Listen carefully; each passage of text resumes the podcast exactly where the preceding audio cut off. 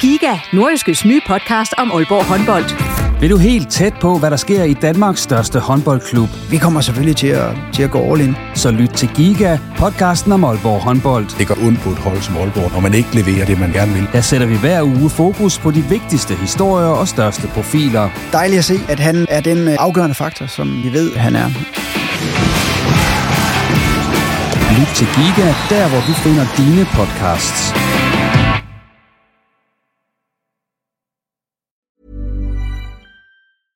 Hiring for your small business? If you're not looking for professionals on LinkedIn, you're looking in the wrong place. That's like looking for your car keys in a fish tank. LinkedIn helps you hire professionals you can't find anywhere else, even those who aren't actively searching for a new job but might be open to the perfect role. In a given month, over 70% of LinkedIn users don't even visit other leading job sites. So start looking in the right place. With LinkedIn, you can hire professionals like a professional. Post your free job on linkedin.com slash people today. Hey there, it's Michelle Norris. I'm host of a podcast called Your Mama's Kitchen. When I travel, I'm usually looking for a way to find a taste of home when I'm not at home. And one of the things I love to do when I am at home is entertain. And Airbnb allows me to do that. When I was in California recently, I rented a house that had a great kitchen. And when we were sitting around the table, we we're all thinking, we're in someone else's house. Someone could be in all of our homes as well. If you have a home, but you're not always at home, you have an Airbnb. Your home might be worth more than you think. Find out how much at airbnb.com/slash host.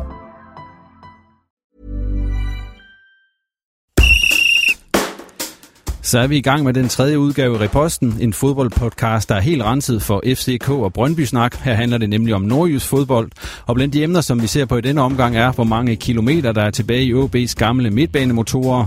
Vi ser tilbage på Turbulent 2016 i Hobro IK, og så skal vi tale om trænerfyringer, og så er der selvfølgelig også blevet plads til nogle knaldhårde tovhylere. Mit navn er Jens Otto Barsø. Velkommen. Og som sædvanligt, så har jeg fået godt selskab her i studiet. Denne gang har jeg besøg fra tidligere divisionsspiller og nuværende assistenttræner for AGF's U19-hold, Dennis Ramon Olsen. Det er Hobro IK's anfører Mads Justesen, og så er der sørme blevet genvalgt til nordjyskes sportsredaktør Claus Jensen. Og øh, velkommen til alle tre. Tak. Tak. Og vi kan starte med, med dig, Mads Justesen. I er gået på ferie nede i Hobro. Hvor meget fodbold er det blevet til for dig, siden I gik på ferie her? Jeg var faktisk ude at spille indendørs i weekenden, så det er blevet til en, en lille smule. Og hvordan gik det? Åh, oh, vi røg desværre ud i mellemrunden, så det var ikke så god en start, men uh, vi kommer stærkt efter igen. Og Dennis, som vi sagde til at starte med, uh, du er i AGF nu, efter at have spillet i Tisted FC og Vendsyssel FF og... Alle sammen. Alle sammen, ja. Alle klubberne heroppe. Hvordan er det lige at være we, som man siger? Om det er det lidt specielt. Altså man bliver også øh, modtaget herude på Nordjyske med, en, øh, med lidt OB-hilsner og så videre, så, øh, men, det, men det tager jo med et smil på læben. Jeg kan godt lide at være nede ved de hvide. Og Claus Jensen, øh, du mente ikke, det var din tur til at komme i dag, men du kom så alligevel. Ja. Det var dejligt, ja. du kunne komme. Jeg skulle alligevel lige forbi, så sådan blev det. Men øh, du skal have tak, fordi du kom i hvert fald. Ja, Vi håber klar. på, at du er skarp, som du plejer at være. Og så bliver der fløjtet lidt her, og øh, som sædvanligt, som vi gør her i reposten, så starter vi med OB, som jo spillede her mandag aften mod øh, Lyngby. Og der fik OB så det syvende point ud af de seneste ni mulige. Hvad ved 1-0? Øh, er OB ude af krisen, Dennis? Ja, det er måske tidligt nok, men, men jeg synes, de er på vej. Øh, de laver i hvert fald point. Og øh, at the end of the day, så er det også det, det handler om, når vi spiller fodbold. Øh, spillemæssig krise, synes jeg er stort over at bruge. Øh, jeg, jeg tror nok, det skal gå. Øh, der begynder at være nogle gode takter fra den, fra den kære Rigsgaard, som jeg synes er en dominerende skikkelse. Og det skal han være, øh, før det skal hænge sammen for OB.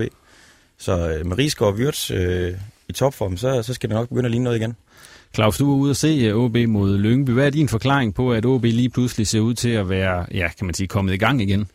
Jamen, jeg tror ikke, det er ikke, fordi der er sket en kæmpe forvandling med, med OB-holdet. Altså, hvis man ser tilbage på nogle af de kampe, hvor de spillede godt, kan man sige, inden selvtilliden den for alvor knækkede, så, så var der jo nogle kampe, hvor de egentlig havde fortjent en bedre skæbne. Øh, hvor det lidt var marginalerne, øh, straffespark, de brændte straffespark, de ikke fik, og modstanderne fik straffespark, der måske ikke var helt var der osv. Øh, nu er marginalerne, og det er nok ikke helt løgn, det man siger, men det der, det udligner sig selv i løbet af, af sådan en sæson. Altså, de begynder at vende deres vej. I, i går spiller de en rigtig flot øh, første halvleg mod Lyngby, øh, og fører fortjent 1-0. Øh, anden halvleg var til gengæld lidt skidt, der mister de. Initiativet bliver lagt under hårdt pres, og Lyngby har jo virkelig en 3-4 rigtig store muligheder for at både udligne og vinde kampen, så Marginalerne, de er med dem lige i øjeblikket. Øh, midtbanen, øh, der har de jo selvfølgelig Rigsgaard og Wirtz, som er øh, to meget bærende kræfter og skal være bærende. Kan de hænge på det der slutspil, det er det, det handler om, inden det bliver jul, så har de jo mulighed for at, gå ud og, og finde et eller andet til, til det der angreb, der kan forhåbentlig så spille slutspillet hjem i de sidste fem kampe efter nytår. Mads, efter sådan en lang periode, som OB havde, hvor de nærmest ikke henter nogen point, og du er så overrasket over, at de kommer sådan igen her. Lige, altså, det er jo sådan kommet lige pludselig, fordi der er jo ikke sådan en ting, der har gjort, at en vigtig spiller er kommet tilbage eller noget. Det er jo de samme spillere, der stadigvæk er til rådighed. Ja, både og vil jeg faktisk sige, fordi jeg er faktisk meget enig med Claus, at øh, jeg synes faktisk, der var nogle tendenser i starten af sæsonen, hvor det så rigtig godt ud. Det lignede et normalt OB-hold og spille godt og krævede mange chancer. Så er det nok lidt som om, at selvtilliden forsvandt lidt, da de faktisk ikke fik udnyttet mange af de chancer her. Jeg synes faktisk, at i den periode kan man sammenligne lidt med noget af det, som OB har gennemgået, som, som jo virkelig har været igennem en periode, hvor der har haft svært ved at skabe point, selvom de faktisk har i mange kampe haft spilmæssigt overtag den selvtillid, dem så, øh, hvad skal man sige, har, har, hvor de har mistet lidt, også lidt ved de bærende kræfter, synes jeg, øh, har måske ikke udtryk i, at, at nogle af de her marginaler, som måske er tippet lidt øh, ud til de andres fordel i en periode, og senest i går kan man så sige, at øh, som, som Claus også siger, at, øh, at der har de sådan nogle marginaler med sig igen. Men jeg vil stadigvæk sige, at øh, der var nogen, der holdt et højt bundniveau ud for det, jeg i hvert fald sådan I kunne øh, læse og forstå også, og har set øh, umiddelbart. Så, så enig også med Dennis, at øh, det er måske ikke sådan, de er helt ud af den, men, men der er der nogle gode tegn. Når man ser på det hold, OB de stiller mod Lyngby, der er jo øh, flere af dem, der sådan skulle være profiler på beholdet, er hentet ind som profiler, som ser udenfor. Så i stedet så spiller de med et midterforsvar med øh, Blåbjerg og Kasper Pedersen, og i stedet for Holgersen for eksempel, og en Kasper Slot sidder også ude, og en Flores er slet ikke med i truppen, fordi han er skadet, og Thomas Enevoldsen er, er heller ikke med fra start, kommer faktisk ikke ind i kampen. Øh, hvad skal man lægge i det, at, at et OB-hold uden de her spillere, som egentlig er udset som bærende spillere, alligevel kan gå ind og levere de her resultater? Du kan starte Mads. Ja, altså Thomas Enesvoldsen, som jo var med i en rigtig god periode i sidste sæson, og også tidligere, øh, synes jeg er meget overraskende. Øh, han har måske også øh, manglet lidt form, øh, men man kan sige, at de andre, det er måske også et udtryk, som, som nogen hold kommer igennem, hvor man kan sige, der var en stor udskiftning igen i sommer i OB. Øh, hvordan øh, får man skabt de her nye relationer, som, som skal skabes, når man får nye spillere, og det er måske ikke helt lykkedes, og det hold, som de stiller i går, der kan man sige, at der er nogle unge spillere, som er med, men de unge kan måske også have trænet med i en længere periode, og der er nogle ting, som de har måske set på træningsbanen, hvor der er nogen, der fungerer bedre sammen end andre. Og så er det jo bare sådan, at, at når man henter spillere udefra, så, øh, så er der også nogle kulturer, øh, som skal passe ind på et hold, øh, og der kan man bare sige, at det er ikke sikkert, det har, har spillet helt indtil videre. Claus, ser Lars Søndergaard rigtigt, når han holder de her, kan man sige, profiler ude af holdet? I hvert fald så er der jo en ting, der er markant er sket med det her hold i de her tre kampe, hvor de har fået point, det er jo, at Markus Holgersen ikke har været med, manden der blev hentet ind som, øh, som styrmanden i forsvaret. øh, han blev så syg, og derfor var han ude i to kampe, og da han så i går øh, var frisk igen, jamen, så sad han på bænken. Øh, man kan sige, at han er jo symbol på den OB-nedtur, fordi han startede stærkt og var en, en klippe i det forsvar til at starte med, og, og som OB-resultaterne øh, gik den skæve vej, så, så begyndte han at ligne en, ja, en, øh, en headless chicken, som de siger øh, i, i, i England. Øh, så det, at han er forsvundet, har jo et eller andet sted skabt noget stabilitet nede bagved. Øh, selvom man kan så sige, øh, Jakob Lobbe og Kasper Pedersen, er det så det OB-forsvar, der skal, der skal spille de, de næste mange år? Det vil jeg så måske godt stille spørgsmålstegn ved, om de to er gode nok på den lange bane, men lige nu har de i hvert fald skabt en eller anden form for base nede bagved, samtidig med at OB også spiller mere defensivt, spiller lidt mere med håndbremsen trukket øh, i, i takt med, at, at resultaterne er blevet dårligere, og nu skal de prøve at finde tilbage til basen, og i hvert fald øh, prøve at undgå at lukke en 4-5 mål ind i hver kamp i hvert fald.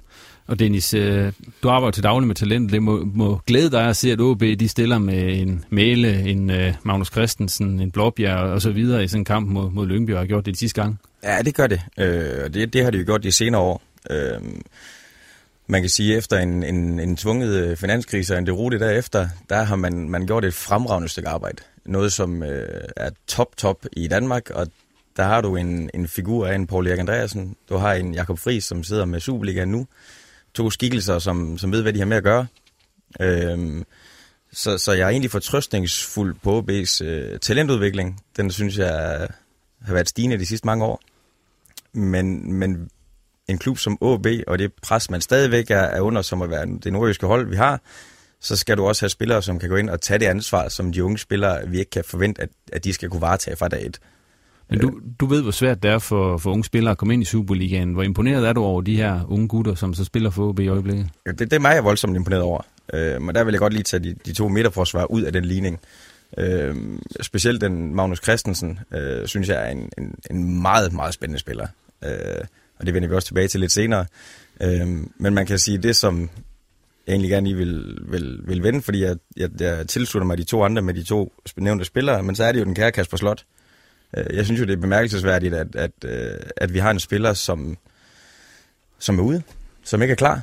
Øh, og det er helt sikkert, at masser har fat i noget med kulturen. Det, det kan helt sikkert godt være i spil. Det kan også være noget med, med hvilken forfatning han kommer hjem i. Men, men der havde jeg i hvert fald forventninger til en spiller, som, øh, som, som tog, kom hjem og, og tog et ansvar. Og det, det mangler jeg fra, fra Kasper Slot. Er de ude nu, altså de spillere, fordi det er jo svært at sætte dem på holdet i øjeblikket, som, øh, som det går. Nu ved jeg godt, de kun er en kamp tilbage i OB her i, her i efteråret, men altså, hvis man nu også vinder den, så kommer der en, en lang pause og så videre. Øh, hvad gør man der så? Stiller man op med det samme igen efter, efter pausen, eller, eller, eller er det en ny chance for de her spillere til at spille sig ind i varmen?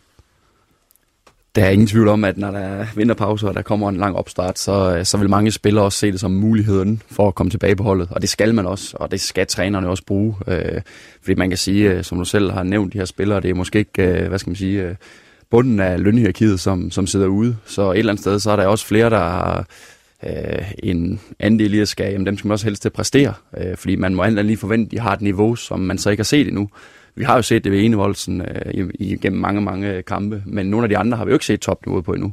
Så der må være mange, der håber og tror på, at OB de kan få nogle af de spillere her, øh, hvad skal man sige, i en bedre forfatning i hvert fald til at og kan presse mere på i, i start 11. Det er der ingen tvivl om. Men kan der ikke også bare være tale om fejlkøb, der ganske enkelt ligger bedre end dem, man har, Dennis? Jo, det kan der godt. Øh, det er det der tilfælde, hvis vi bare lige skal kigge i øjebliksspillet. Så har vi bare nogle unge OB-drenge, nordjyske drenge, der bare går ind og og spiller øh, uden at blinke og siger ja til opgaven og, og viser mandsmod. Så, så hvis vi skal tage den brille på, så jo, det kan vi godt. Jeg, jeg tror dog, jeg har store forventninger til, til Kasper Slot, skal siges. Jeg, jeg, jeg er sikker på, at han nok skal komme, men, men øh, det må gerne komme, komme og, hurtigst muligt. Og der synes jeg faktisk også, man skal nævne, at det er jo netop der, man så skal rose OB, fordi i stedet for, som man ser nogle andre steder, så kan det være, at man lærer folk spille måske lige lidt, langt, eller lidt for lang tid, før at man, hvad skal man sige, sætter dem på bænken. Her OB, altså de unge spillere, de får så chancen, at de er dygtige nok, og der må jeg bare tage hatten af for OB. Det de gjort igennem mange år, og øh, det er altså stærkt, det de laver der. Øh, jeg er helt enig med, nu nævnte du Magnus Christensen før som et eksempel. Han ser rigtig, rigtig spændende ud. Men det er jo også bare sådan, at øh, Kasper Slot, det kan godt være, at han skal have tålmodighed, og han nok skal komme. Men spørgsmålet er, om han sådan selv har den tålmodighed, øh, at han kan se øh, sig selv i sidde i OB og, og vente på chancen øh, halve og hele sæsoner mere. Det kan jeg måske godt være, være i tvivl om. Øhm, altså, jeg kunne godt se, hvis han ikke kommer til spil nu her den sidste kamp heller, at, at, at man måske så træffer en fælles beslutning om, at det var så nok ikke lige det, øh, vi to skulle, skulle være sammen om, og så at øh, de skildes til januar. Øh, det vil jeg ikke blive super chokeret over i virkeligheden. Er det en større kommentar til det? Jamen, det, det er fordi, det vil jeg tilslutte mig, øh, det Clausen siger, fordi øh, det er der ikke tvivl om, Kasper han må sidde derhjemme og, og tænke over, at en, en 18-19-årig knægt øh, bliver, bliver valgt frem for ham. Det, det må da gøre lidt ondt på selvtiden. Øh, så... Øh, så, så jeg er spændt på, hvordan de, de næste par måneder kommer til at forløbe sig for, for Kasper og OB. Det sjove er, at han er jo faktisk fansene med sig, for hvis man går ind og læser på de her, det kan være farligt nogle gange, de her debatforer, hvor, hvor de mest hardcore fans er, jamen så vil de jo have Kasper Slot på holdet, og, og de vil, nogle af dem sågar have ham på i stedet for, for Kasper Risgaard, som ellers er, er OB-mand helt ind i hjertet, og de vil i hvert fald have ham på før Magnus Christensen. Så der kan man sige, der er der ikke sådan helt konsensus mellem øh, de hardcore fans, og så hvad cheftræneren øh, gerne vil. Øh, og det er klart, når resultaterne så har været sløje, så bliver der bare råbt endnu mere på Kasper Slot, kan man sige. Det, det er så blevet det er dæmpet lidt her med de tre seneste kampe i hvert fald. Men det er jo også det, der er øh, hvad skal man sige, interessant i forhold til Kasper Slot, fordi da han kommer hjem, hvad tænker vi så alle sammen? Er det øh, OB's forsøg på at netop at gardere sig mod fremtiden i forhold til, at øh, Rigsgaard og Wirtz jo aldersmæssigt er ved at være noget det samme i forhold til ligesom at sikre sig fremadrettet? Hvor spiller han egentlig bedst Han Hvilken position? Uh, hvordan skal man egentlig spille? Kan man spille med alle tre? Øh, jeg har ikke set det fungere sindssygt godt, hvor de har alle tre spillet på én gang, og man må bare sige, i den måde, som det er gået for OB i, i efteråret, så hvis det var mig, der var chef, så havde jeg også spillet med, med Wirtz og, og Rigsgaard, fordi man ved, i forhold til at den store udskiftning har været, så er der nogle relationer der og nogle ting. Når det fungerer, så er der en base, og så er der fundament i OB-holdet. Så et eller andet sted kan det også være, det er det, der gør, at, at Kasper han øh, på en eller anden måde har, øh, ja, øh, er blevet set lidt øh, ja, set tårs, hvis man kan sige det sådan. Hvis vi så lige tager en Holgersen for eksempel, for han startede jo med at være fast mand, og så røget ud. Det er en lidt anden historie end Kasper Slot, som aldrig har har bidt sig fast på holdet. Altså, hvor længe vil han acceptere at, at sidde derude? Fordi han har jo ligesom gjort klart også, at han ser sig selv som en, en ledertype på det hold her. Det kan man ikke sige, at Kasper Slot har gjort det nu, kan man hvis roligt sige. Jamen altså, for mig der, der virker, øh, nu, nu kender jeg ikke så, så meget til Holgersen, skal, skal være ærlig at sige, men han virker bare for mig som en anden karakter, end, end øh, hvis vi kan sammenligne ham med Kasper. Øh, jeg, jeg tror, han er erkendt også nu, at man, man, han er blevet syg, og der bliver lavet point. Altså, det, det, kan du, øh, det er svært at tage fra dem, der spiller. Altså, det må man bare huske, og der er fodbold bare en, en kold og en kynisk verden. Altså, jeg kan godt forstå, at man bringer de to gutter igen. Vi laver point, så må du spille dig på hold til træning. Jeg synes måske også, der er et element omkring, øh, nu har jeg set en 3-4 kampe med Holgersen i forhold til øh, den spilletype, han er. Jeg synes, han er forsvarsmæssigt øh, rigtig fin og god mand til mand. Men hvis man kigger på de midtstopper, som OB gerne vil have og gerne vil spille med. Øh, jeg kan huske, der var nogen til mig i min bedste tid, der sagde, at øh, ej, det er et spændende sted, hvor jeg, jeg sagde, at jeg tror måske ikke lige, jeg er prototypen på en, på en OB-spiller i forhold til, til det med kuglen. Og der vil jeg bare sige, hvis man kigger på det, jeg i hvert fald har set med Holgersen, så er måske heller ikke lige sådan en midtstopper, man har været vant til at se for OB.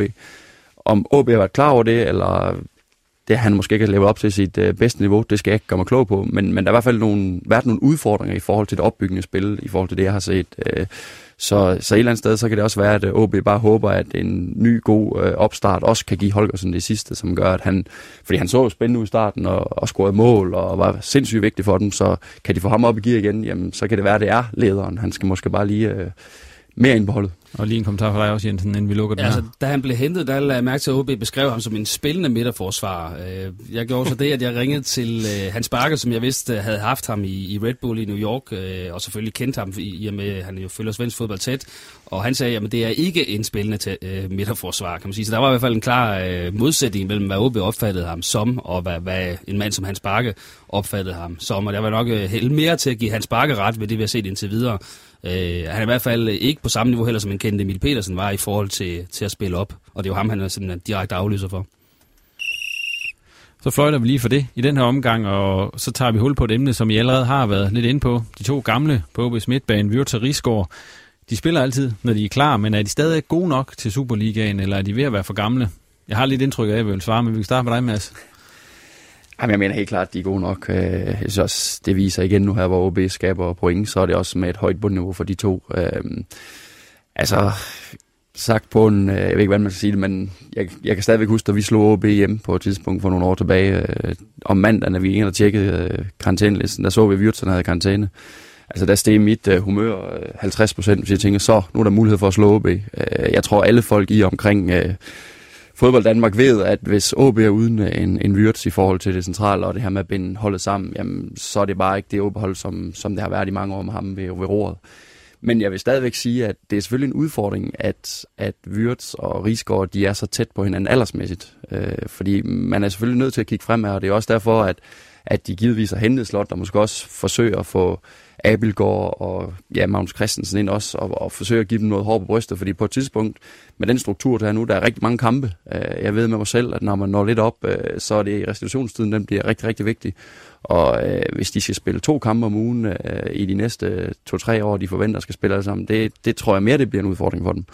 Så OB skal selvfølgelig kigge lidt i krystalkuglen og sige, hvad er det for nogle kampe, vi skal bruge dem sammen, og hvornår er det, at, at man, man, hvad kan man sige, tillader sig at sige, at de ikke skal spille sammen. Fordi for mig at se, så er Rigsgaards heller ikke den samme uden Wirtz, og Wirtz heller ikke den samme uden Rigsgaard. Claus, hvordan kan man se på dem, at de er blevet øh, nogle år ældre?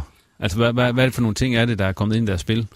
Jamen altså, man kan sige, det med at, at være gammel er jo ikke, det er jo på mange måder en fordel i fodbold, i og med, at man øh, har et større overblik og, og mere ro på bolden, men man mister selvfølgelig også lidt i hurtigheden. Øh, og, øh, og, Hvorfor siger du mig? Øh, øh, du har jo aldrig været hurtig, så det det. øh, men, mm, og de er heller ikke så gode, som de måske var for, for bare en to-tre år siden, da OB øh, peakede og, og blev danske mester. Øh, så man kan sige, er de gode nok til Superligaen? Ja, det er de. Men det er klart, de er måske ikke gode nok længere til, at hvis det hvis OB skal ligge nummer et eller to i Superligaen, der er de måske, der er deres niveau måske ikke så højt, som det har været, men, men øh, der er ingen tvivl om, de skal spille med det materiale, OB har lige nu, for det, det er de bedste. Jeg, jeg, jeg er jo til dels ret, og alligevel ikke, fordi jeg, man skal også bare huske på, at øh, i forhold til den udskiftning, som har været i OB's trup, siden de blev landsmester, altså jeg vil næsten garantere, at hvis du sammensat det hold øh, med Kusk og lige omkring dem igen, så tror jeg, du vil se, at Kasper Rieskov kommer tilbage til at lave lige så mange mål, fordi der er altså nogle ting i forhold til det her med at Rigsgaard laver mål. Han er en af de dygtigste spillere, som jeg kan huske i, ja, nærmest i Superligens historie, i forhold til at komme i felt i anden fase. Hans, hans løb ind i felt er, er rigtig, rigtig gode. Men hvis der ikke rigtig er andre spillere, som tiltrækker sig opmærksomhed, så er det også nemmere at forberede sig på Rigsgaards løb. Øh, og der tror jeg, der har været nogle udfordringer for OB i forhold til at få de rigtige, position, hvad skal man sige, rigtige folk i de rigtige positioner. Så, øh, så ja, til dels kan du godt have ret, men man skal også bare kigge på, at, at OB er altså et hold, der har været igennem en utrolig stor forandring på, på spillersiden. Dennis, man kan sige, Kasper Risgaard, han bliver jo ikke rigtig brugt på den defensive, eller på den midterste midtbane i øjeblikket, som han, han har gjort, for han bliver rykket lidt rundt øh, og spiller kant, og så spiller han lidt angriber og så videre. Hvad er det et udtryk for? Jamen, jeg, jeg tror, det er, det er et udtryk for at finde tilbage til det, som, som, som Mads lige nævner, at den her Risgaard, som, som kommer i boksen, som er toneangivende på den sidste tredjedel. Fordi der er i min optik Rigsgaard øh, i den bedste udgave af sig selv. Han, øh, han skal op og, øh, og lave mål. Han skal op og være, være den her øh, klassiske playmaker-type, som, som vi ikke ser så mange af, fordi der er han dygtig. Der er han rigtig dygtig. Øh, og, og for mig der handler det også, som, som Mads siger, om hvem det er, der omgiver de spillere, vi har.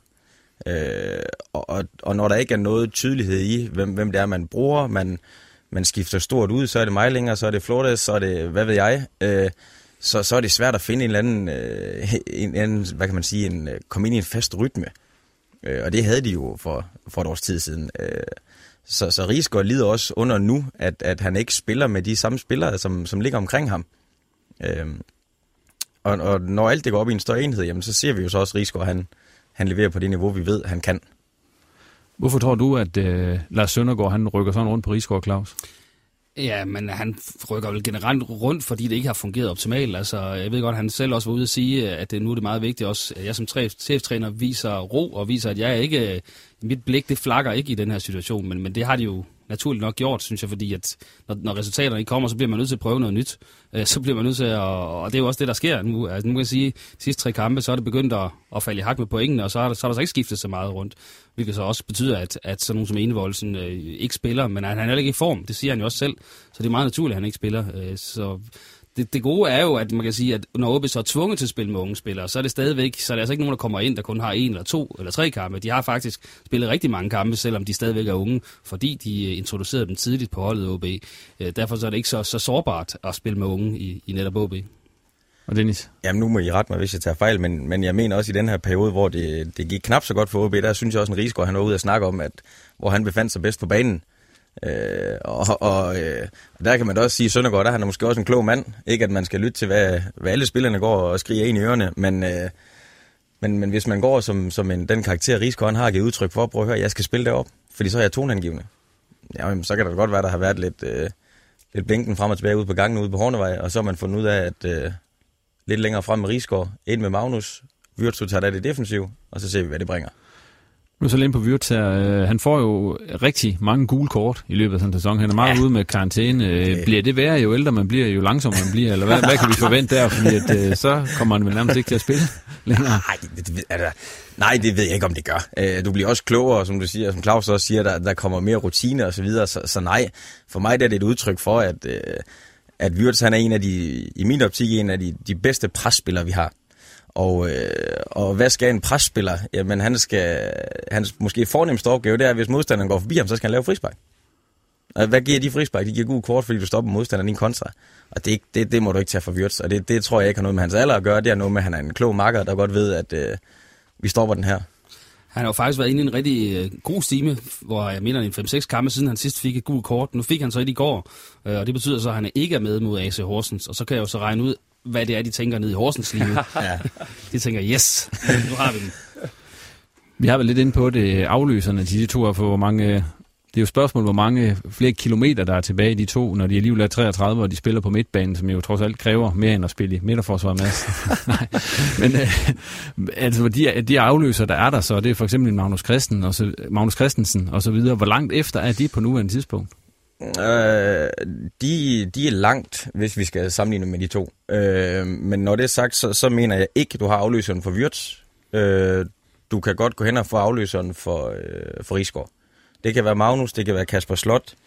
I ungdomsregi har du nogle rigtig dygtige spillere. Du har en, øh, en Jeppe Pedersen, en ungdomslandsholdsspiller, en Mads Stefansen, en Hamza Hamidi, som er voldsomt dygtige pasningsspillere. Men det er pasningsspillere.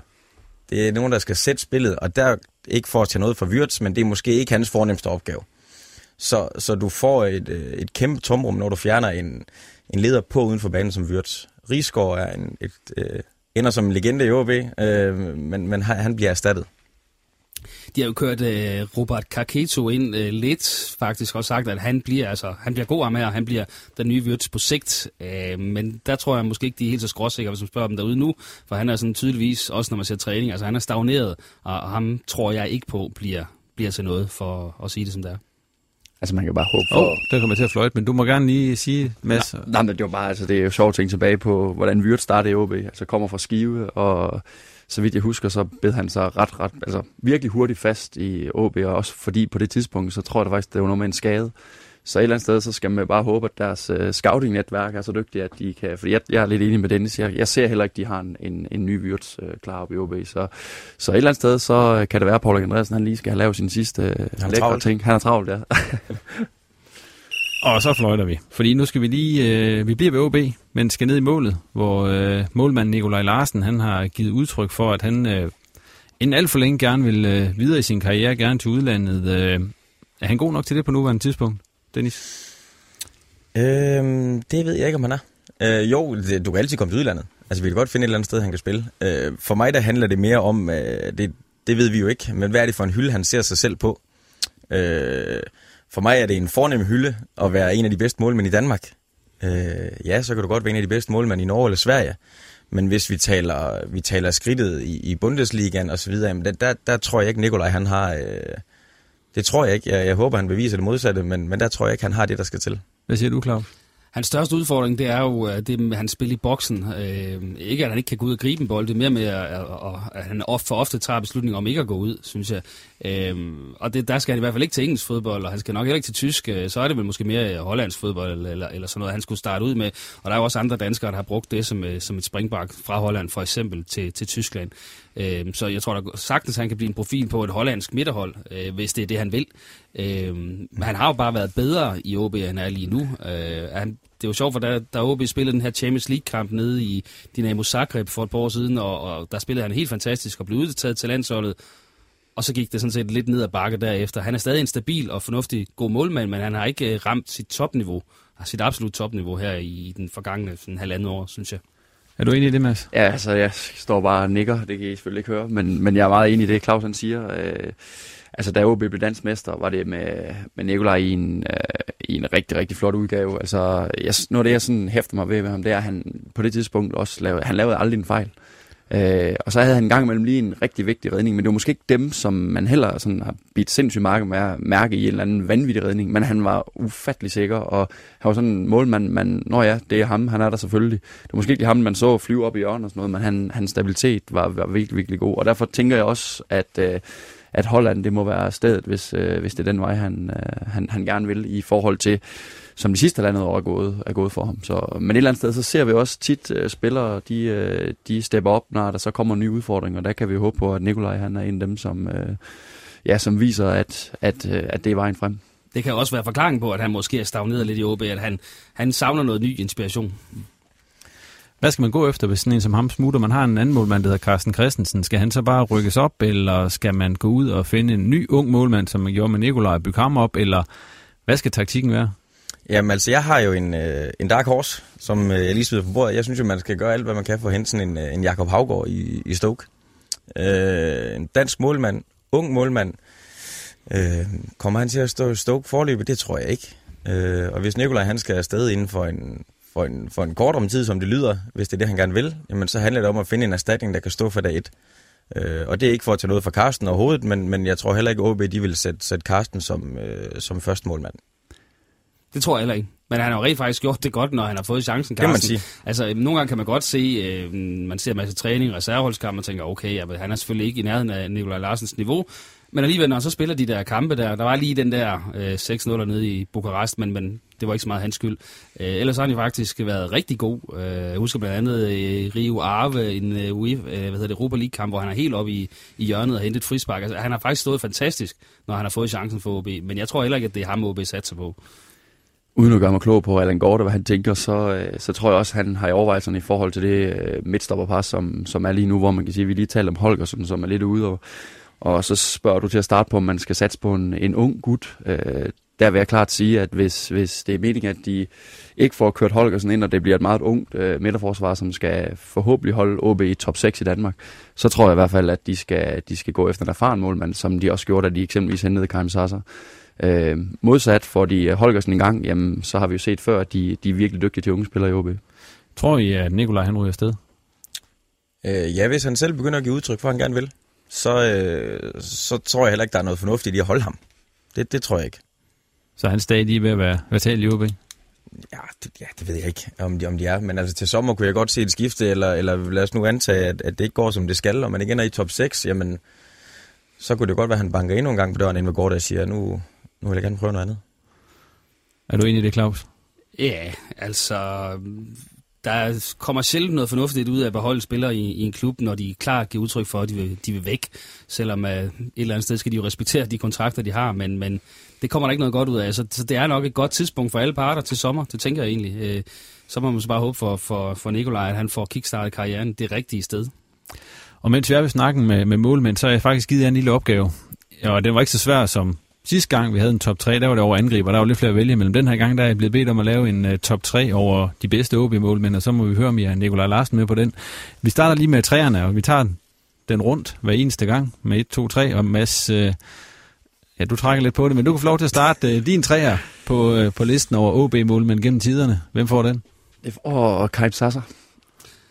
Ja, så er vi uenige nu. Dybt uenige. Nej. Hvorfor, hvorfor, hvorfor er han kun nummer tre, kan man så spørge sig selv, fordi det er jo, det er jo ikke rigtigt. Nej, ja, der er jeg fuldstændig enig med dig, Claus. Ja. Men det er Masses øh, det er vi, ja, ja, det, ja, ja, vi glæder os til at høre, øh, hvem der er nummer to. Øh, jeg har jo Nikolaj Larsen på tredjepladsen faktisk, men det er godt nok med et mulehår foran øh, Thomas Gill. Ja, men det, det er jo det samme med mig. Altså, Thomas Gill det er jo en legende uden lige. Hiring for your small business? If you're not looking for professionals on LinkedIn, you're looking in the wrong place. That's like looking for your car keys in a fish tank. LinkedIn helps you hire professionals you can't find anywhere else, even those who aren't actively searching for a new job but might be open to the perfect role. In a given month, over 70% of LinkedIn users don't even visit other leading job sites. So start looking in the right place. With LinkedIn, you can hire professionals like a professional. Post your free job on linkedin.com slash people today. Men, men Nikolaj Larsen, det, det er også det er træerne for mig. Og jeg skal lige sige, at det er Superliga-mål, men vi snakker ja. om her, så vi er ikke tilbage og skal snakke om Harbo. nogen, der har stået på mål, før vi... Uh... Vi starter der i ja. 91-92, da ja. begynder at hedde Superliga. Jeg kan nemlig huske Thomas Gill. Ja. men du får så få lov til at tage din nummer to nu, Mads. Jamen, der har jeg så Nikolaj Larsen. Nikolaj Larsen, ja. ja. Og hvem har du så der, Claus? der har jeg jo Sasa, fordi han skal foran Nikolaj Larsen. Vi taler om uh, Karim Sasa, han har jo tre gange fået det gyldne bur i, i Danmark, hvor uh, Nikolaj Larsen kun har fået det én gang. Uh, man kan så argumentere for, at Sasa fik ikke det gyldne bur, mens han spillede i OB, men han var stadig han var stadig en stabil øh, målmand, øh, målmand for OB, og øh, jo med på rundens hold i Champions League, efter at OB spillede 0-0 op i, i Celtic. Altså, han lavede vel kun én fejl, som jeg lige husker det, i, i hele sin, øh, sin OB-tid, da han for gud hvilken gang skulle, øh, skulle lave skudfinden og trække den bag om, om støtteben, og så, så gik det galt en kamp mod Sønderjyske, tror jeg. Men, men det var så den fejl, han lavede, og, og de andre 100 gange, der troede man bare, det gik galt, så gik det godt. Ja, jeg synes, han er en klar nummer to. Han var jo også en målmand, der kunne vinde kampe for OB. Altså, jeg, jeg kan huske kampe ude på Aalborg Stadion, hvor, hvor Sasa har været den, der afgjorde det. Ja, nu, jeg synes jo, Claus, han er, det er jo nordisk beskedenhed, og nu har jeg jo været lidt af at være nede i Aarhus. Øh, Karim har jo ikke kun en, en stabil og en god målmand, han var en topmålmand i OB. Øh, han var med til at gøre en forskel. Han vandt i OB, han var med i Europa League, han var med i Champions League. Øh, Karim var en topmålmand. Så er det også din nummer to, eller hvad? Det er min nummer to. Jeg selv har haft fornøjelsen af at spille med ham. Han var en, en dejlig mand, en kære Karim.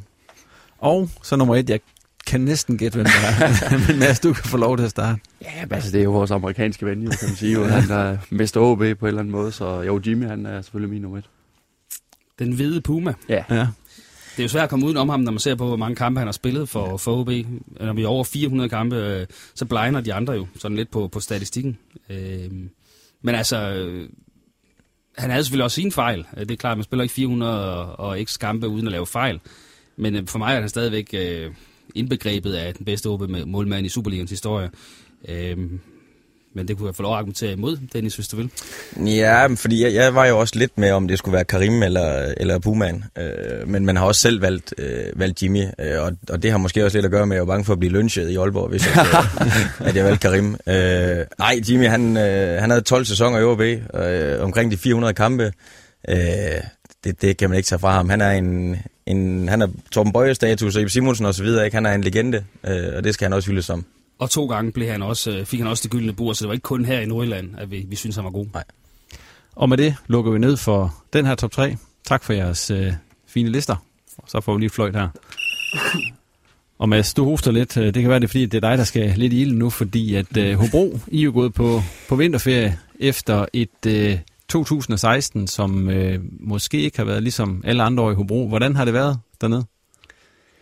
Det har været begivenhedsrigt, at sige sådan. Øh, altså man kan sige, at øh, 2016, det er måske ikke lige det år, som går ind i min hukommelse som, som jubelåret. Øh, men til gengæld så var der en del år før der, hvor man kan sige, at det var bare en lang, stor optur. Øh, men det har også været et år, hvor vi har lært rigtig meget. Øh, 2016 startede med et halvt år i Superligaen, hvor vi stort set ikke vandt en kamp. Øh, det var et meget hårdt år. Øh, det var med søvnløse nætter, og kunne ikke forstå, hvordan det kunne gå så galt på så kort tid med en, synes vi selv, øh, rigtig dygtig spillertrup.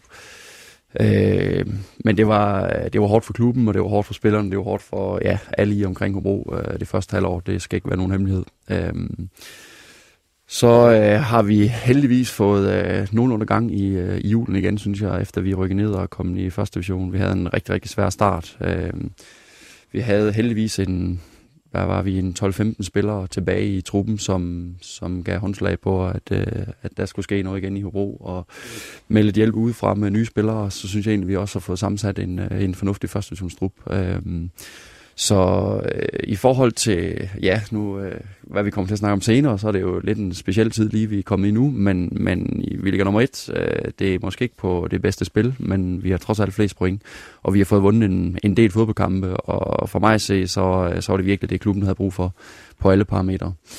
Hvis man sådan lige kigger på, øh, hvad vi dog trods alt har fået ud af det, selvom det har været hårdt, så vil jeg faktisk sige, at øh, vi er gået fra at være en, en klub på helt deltid til at ligne øh, et tæt på fuldtids setup. Øh.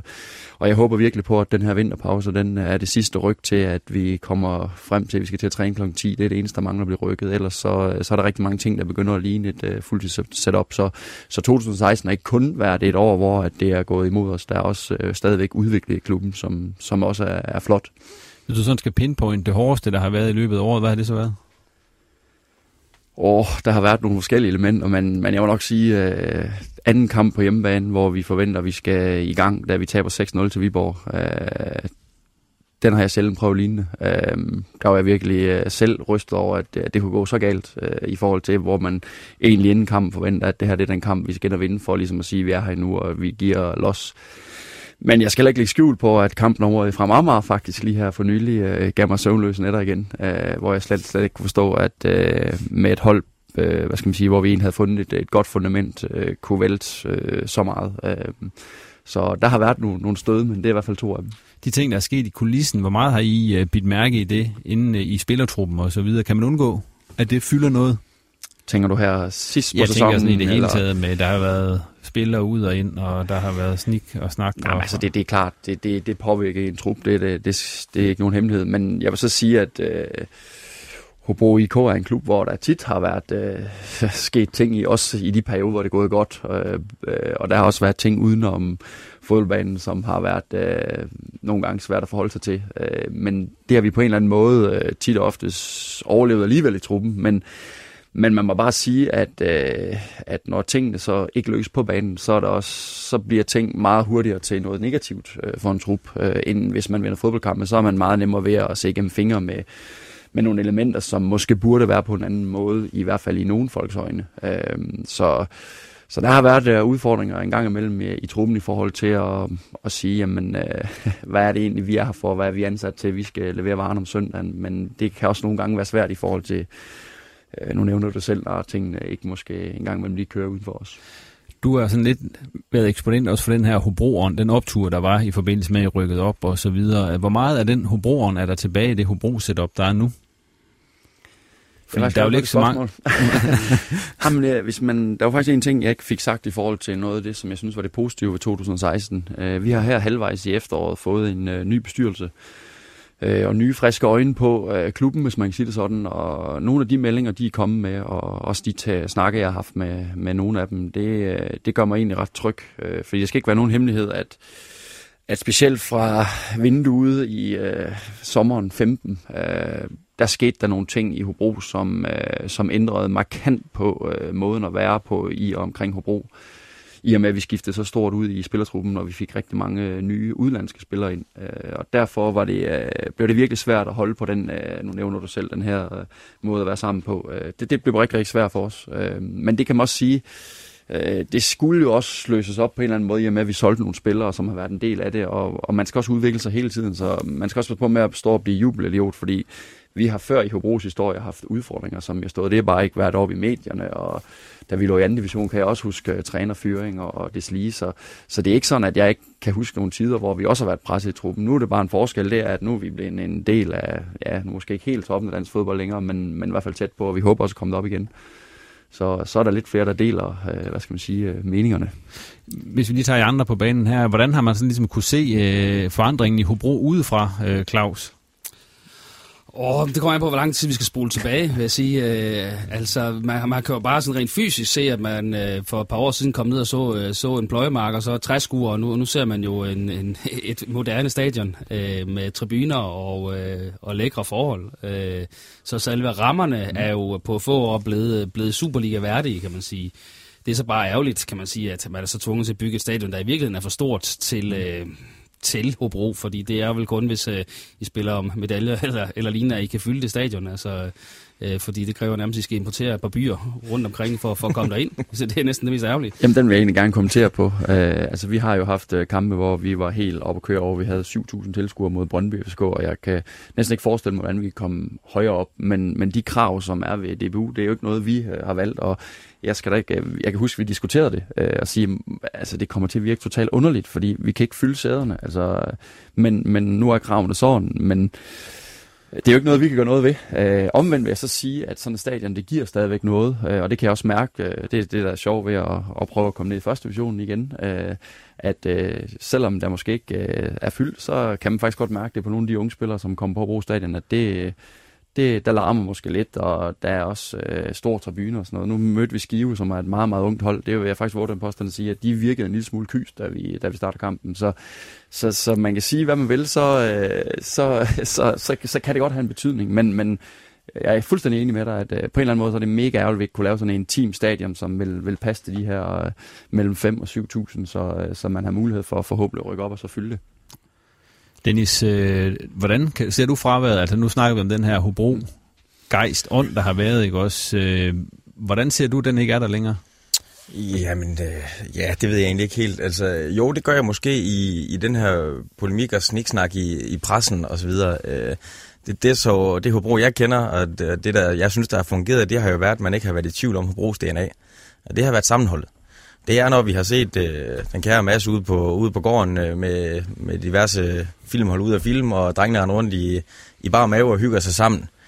Øhm, og, og ja, der bliver snakket udvikling og perspektiver, vi skal gå fremad, men det er jo nødvendigvis ikke negativt, det som der har været indtil videre.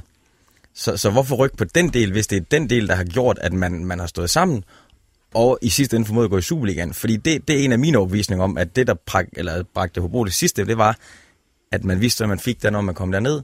Der stinker af fodbold, der stinker af nogle drenge, der elsker at være sammen med hinanden. Og det er i tvivl om, øh, hvor, hvor eksisterende det er nu. Og det er svært for mig at stå og...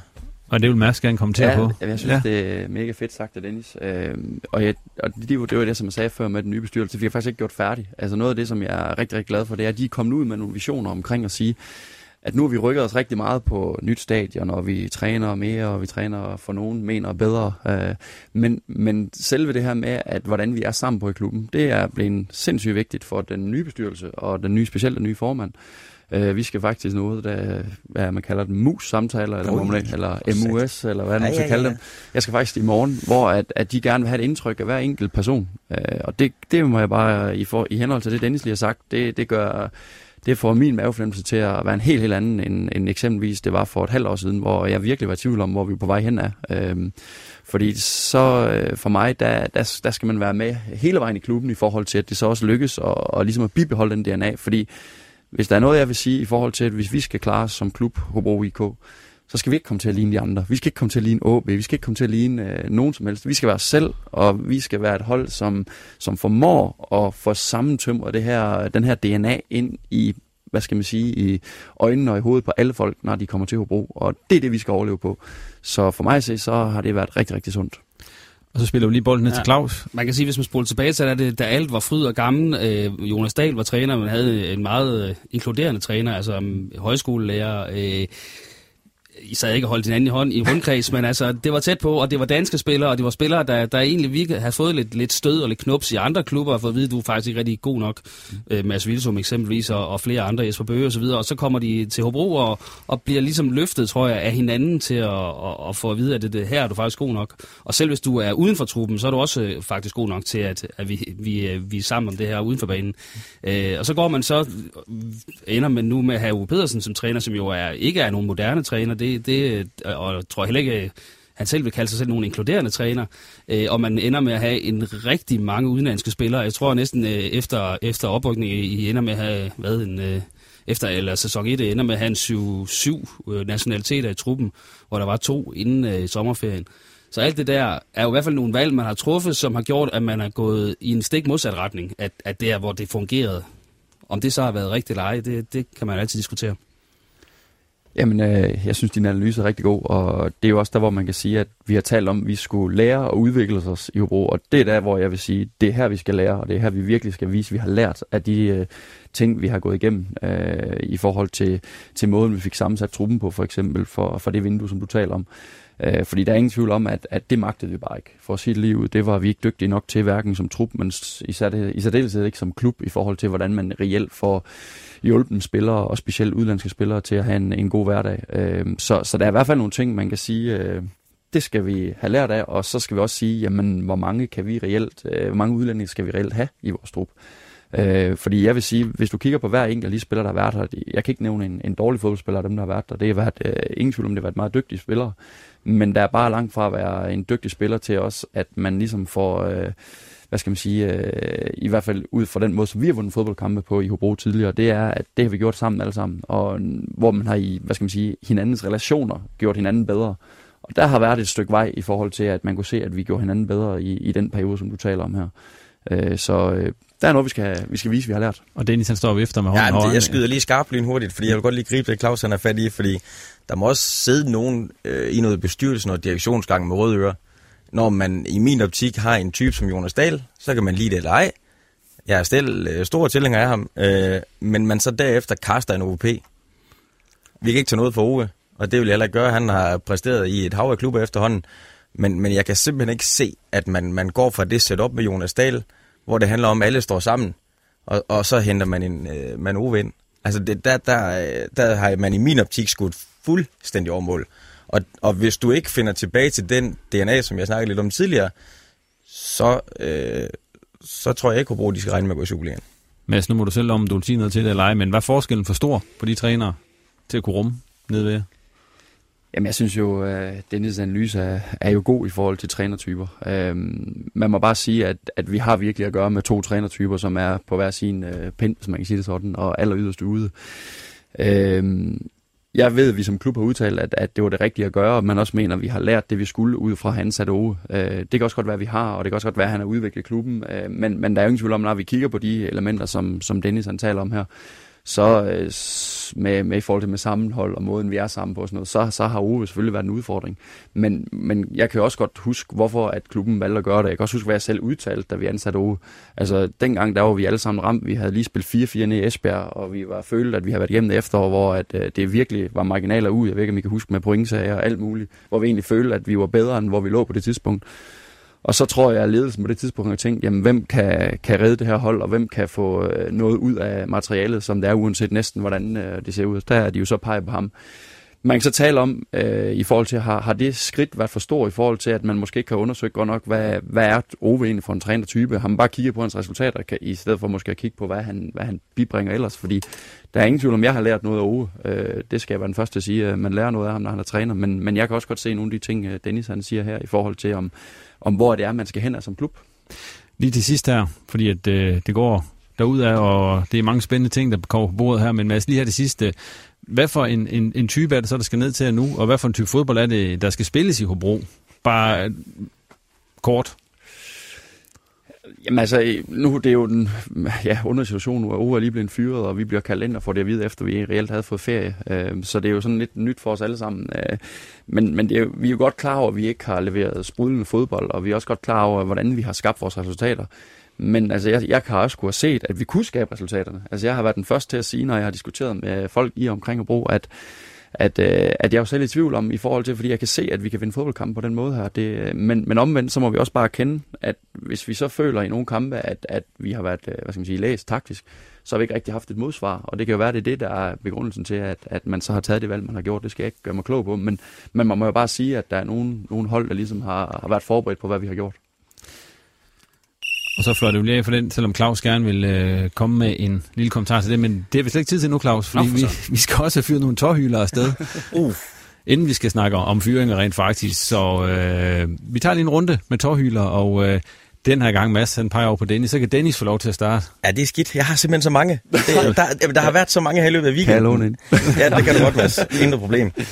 Øh, men så tager jeg lige fat i et, øh, en tårhylder til DBU det synes jeg, det kan godt være lidt kontroversielt lige at hugge til dem en gang imellem, så det er fint nok.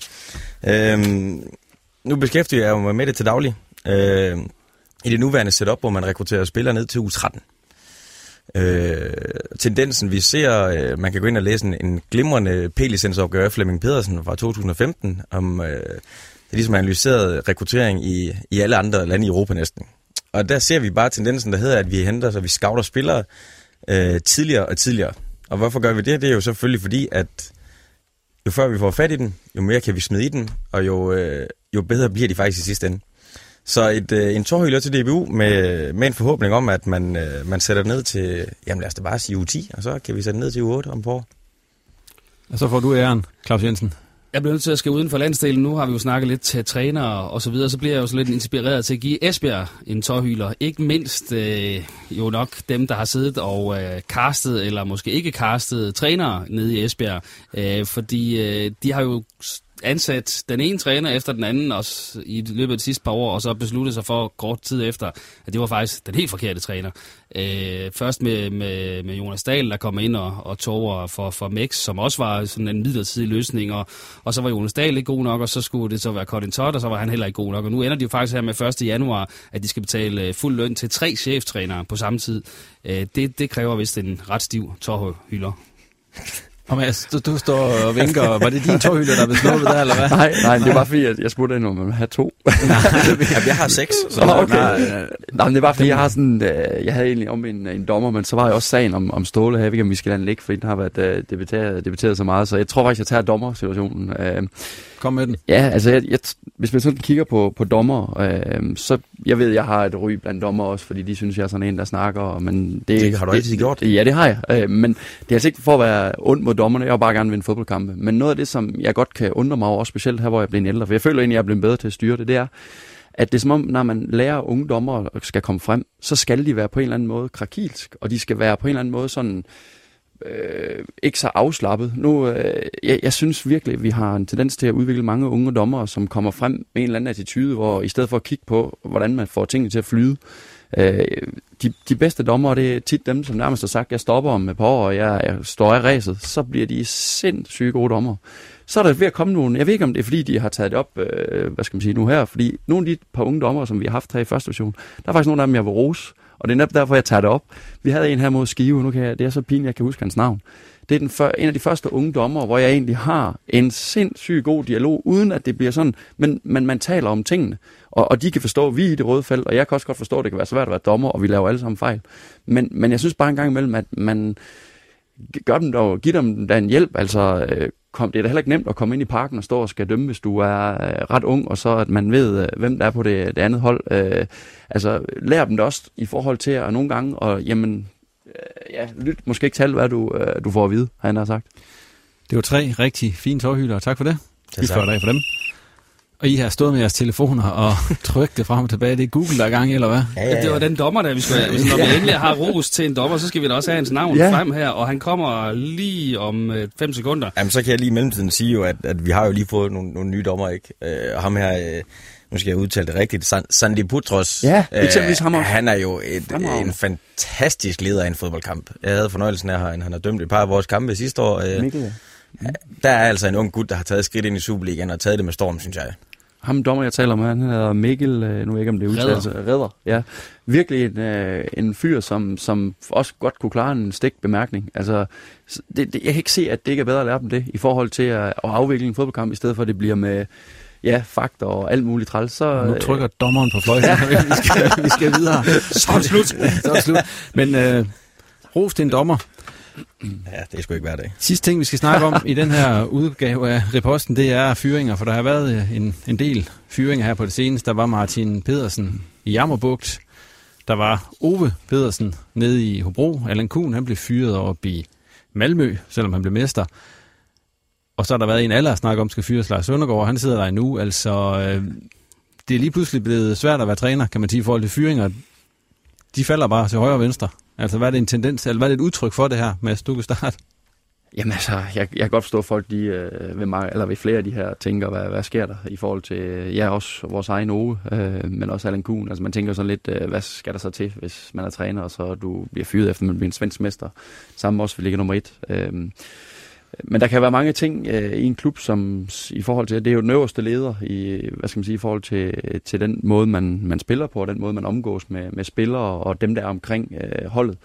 Og, og når man kigger på, hvad der skal til, så, så øh, for at få alle til at præstere, så, så er det jo cheftræner, man, man kigger på. Og Der, der kan jo være, jeg kan jo ikke gøre mig klog på øh, Allan Kuhns. Øh, vi ved jo, hvad han står for herhjemme, og hvor, hvor meget han har opnået herhjemme også. Øh, så, så vi ved jo, at han er, han er en dygtig mand. Så det er jo ikke sådan, at vi kan stå og sige, jamen, det ved vi lige nøjagtigt, det er sådan og sådan og sådan. Øh, Ove, det har vi jo talt om tidligere her, hvad, hvad der kunne være muligheder. Men det er jo også kun muligheder. Vi ved jo reelt ikke, hvad... Øh, jeg ved i hvert fald ikke, hvad, hvad begrundelsen øh, reelt er. Øh, men, men igen, Ove han lå nummer et, så et eller andet sted. Ove han kan jo også stå og sige, jamen, jeg lå nummer et, jeg har, jeg har gjort mit job. Jamen, du er selv træner, Dennis. Ja. Øh, det, er vel, det, det, det er ikke let, så hvis man... Øh, Nej, men, men det, det skal det nødvendigvis heller ikke være. Altså for mig, der handler det om det her, der, der er sådan to, øh, to ben på den her taburet. Øh, det er det her med, har du, har du en tydelig strategi som klub, og er træneren med ind over den? Altså ved vi, hvor vi skal gå hen, og går vi derhen sammen fra A til Z? Og det er der, hvor jeg er, nu er masser udtalt ikke om det, men der vil jeg næsten hænge min lille hat på et eller andet sted, at der er nogen i Hobro, der har tænkt, uh, vi er ikke på vej samme sted hen. Og det tror jeg, det er præcis det samme med Allan Kuhn. Fordi det der scenarie, som man tidligere har hørt med Esbjerg og øh, 22 spillere derude, og, øh, og sige, vi skal af med trænerne, det, det, det, det kan jeg sgu næsten ikke holde til at høre på. Øh, det er klart, at hvis det er en samlet trup, så er det fordi, der er noget galt. Men er der en 3-4 spillere derude og pip, jamen der mener jeg, at man godt kan tage fat i ørerne, at man siger, kig lige på din lønseddel, kammerat, og så præstere og levere for nu af. Men er det, er det en trup, hvor du ikke har tillid til træneren, og det er 22 mand, der tænker, at det her det går skævt, jamen, så skal han da væk. Mm, men omvendt er det også en, øh, en mand, du har fejlkastet. Så er man nødt til at sige igen, så må der også sidde nogen på en bestyrelsesgang rundt omkring og tænke, og kigge ind lige kigge hinanden i øjnene og sige, hvad er det, vi skal gøre anderledes? Netop fordi, man kan også sige, hvis man vinder og får resultaterne, ja. så må man også sige, at, at så er det vel det, Jamen, det er det, det, fodbold der, der handler om. tæller i fodbold, ja. Det er det, fodbold handler om. Det handler om at vinde fodboldkampe. Og det er da, det er da, altså, det er da svært også, at, at kigge på Hobro. De ligger nummer et. Hvad, altså, Malmø ligger nummer et. Men, igen, hvis det ikke skaber et sundt arbejdsmiljø, hvis man ikke er glad, så på et eller andet tidspunkt, så krakelerer det. Men hvad gør så en fyring her så, altså når den, når den så er effektueret, og der kommer en ny træner og så videre, hvad giver det så? Jamen altså for vores vedkommende, der er det lidt underligt, fordi vi bliver jo kaldt ind, hvor vi nærmest har fået ferie og fået det at vide, så jeg kan næsten ikke sige dig, hvad det giver. Vi har stort set ikke set hinanden siden, vi Men har du, fået har, det at vide. du har prøvet det før, kan man sige. Jeg har prøvet det før. Ja. Ja. Øh, altså, en fyring kan, jamen, den kan jo gå fra at være frustration fra, fra nogle spillere, men det kan også gå fra nogle spillere at være glæder og vise overskud og ny energi og ny chance. Øh, man kan sige, det er sådan lidt en turbulent tid og i omkring en trænerfyring, fordi der er, øh, nu kan også se her i forhold til O, der kom jo noget frem før den sidste kamp, øh, hvor der lige pludselig står, at øh, sponsorer, og jeg i øvrigt også spillertrup, der stod, men det kan jeg da i hvert fald benægte, at det er ikke spillertruppen, der har haft noget med det at gøre. øh, i forhold til, at, øh, at han skulle fyres. Men, men det giver jo også bare nogle dønninger i en klub, og der, i en trup, og der begynder folk at snakke og så videre. Men der vil jeg bare sige, at øh, der er jeg fuldstændig enig med Dennis. Altså, hvad er det, vi skal? Øh, og det håber jeg også folk de kunne se, at vi gik ud og eksempelvis den kamp og præsterede og kæmpede en vis slæmestil ud af bukserne. Så, så øh, det skaber noget forvirring og noget, sådan noget, nogle elementer, men man ved også godt, at en trænerfyring kan nogle gange bare give øh, fornyet energi og ny tro på tingene og ja, en, en frisk start. Nogle gange kan det vel også være en lettelse for begge parter. Ja, men det er jo egentlig bare lige for at til, for nu har jeg jo været i en klub her, Nordenfjord, som jo, jo skiftede træner, som jeg skiftede underbukser øh, i, igennem en fire år. Øh, og hvornår begyndte det at lykkes for Vendsyssel? Det begyndte det da, der kom ro på. Det begyndte da, man fik en struktur, og så kan godt være, at fodbolden ikke var det mere charmerende i verden, men Ove fik det væk til at lykkes. Christensen så, altså. Ja, ja Ove Christensen, ja, selvfølgelig. Øh, så kan man, ja, ja. Men det gjorde Ove, han fik det til at lykkes. Der kom ro på. Man var enige om, at Kry og Ove virker til at være enige om, at det er den her vej, vi skal gå. Så jo før du får det etableret, jo bedre for alle. Så hvis der er uenighed om, at man tror, man skal have en eller anden trænerprofil ind, fordi at øh, han skal komme og redde verden, men strategien for de to parter ikke peger i samme retning, så, så får du ikke det resultat, du vil opnå. Men så vender jeg tilbage til mit spørgsmål, og så får du det, Claus. Er der fyringer, hvor, hvor det er en, en glæde for begge parter, at, at man skilles? Ja, det tror jeg da. Der findes masser af eksempler på, at, at som træner kan man også køre sur i sit arbejde, altså kan føle, at... Øh, at man ikke kan lave resultater med, med truppen, men vel også måske, hvis man ikke har opbakning i truppen, fordi øh, at resultaterne kan være nok så gode, men hvis, der, hvis man taber omklædningsrummet, som man populært sagt siger, jamen, så, så, så hjælper det ikke så meget. Så, så, så tror jeg også godt, at man som træner selv kan mærke, at det, det, det er håbløs opgave, den her. Og så skal en, en ansvarlig bestyrelse også gå ind og sige, uanset hvor man ligger i tabellen, og sige, vi skal prøve noget nyt. Øh, det kunne være det, man har sagt i Hobro. Og jeg synes et eller andet sted i Hobro, øh, Ove han har virket meget afklaret efter det her. Der har ikke været noget, øh, nogen negativ pip fra ham. Nej, det, nej det, det har der ikke. Øh, det, men der, der er Ove også en, en rutineret rev jo. Altså han er en dygtig træner, har været det igennem mange, mange år, så han ved jo godt, hvordan man skal forholde sig til sådan en situation. Så, så, øh, så alle respekt til Ove, det, det håndterer han, som han skal. Øh, så, så, så det synes jeg, han har, han har taget fint. Man kan også sige, i forhold til det Ove, han selv gerne vil have med målets resultater. Altså, vi ligger nummer et. Ja. Øh, og ja. men hvis klubben mener, at øh, det her det er det rigtige forhold til at, og måske at vende tilbage til en DNA, hvis det er det, de tænker, jamen, så er det også en, en win-win for klubben. Så når du taler om, om man kan lave en fyring, som er på sin vis kan se godt ud for begge parter, jamen, så er han der her. Jamen, og, og det er jo lige præcis det, som vi... Der er også en anden klub, ikke? Colin Todd og, og Esbjerg. Der tror jeg, du ser det samme. Altså hvis vi kigger på hans udtalelser igennem de sidste 4-5 uger, øh, en øh, kone fraråder mig at tage jobbet, og jeg skal sige op, og, og hvad han ellers har været ude med. Det, det, det er jo heller ikke en stil, vi er vant til herhjemme. Men der har vi altså en engelsk træner, der kommer og siger, prøv at høre, her til ikke længere, det er mig, der styrer skibet hopper ombord. Og der er der så nogle spillere, der har tænkt, at det, det bryder de sig ikke om. Så han har da måske også et eller andet sted, sted selv inviteret til en... Det minder faktisk lidt om, om da Bruce Rierk var i, i Jamen, det gør det. Ja. Det gør det fuldstændig. Ja. Ja, men det der sætter vi punktum for den tredje udgave af reposten. Har du emner, vi skal tage op, eller spørgsmål til vores panel, eller bare kommentarer, der både positive eller negative, så er du velkommen til at skrive til os på Twitter eller på Facebook. Bare søg på reposten, og så burde vi dukke op. Og når du er i gang, så kan du lige følge os eller give os et like, så bliver vi rigtig glade. Ellers så er vi klar igen om 14 dage. Tak fordi du lyttede med, og på genhør.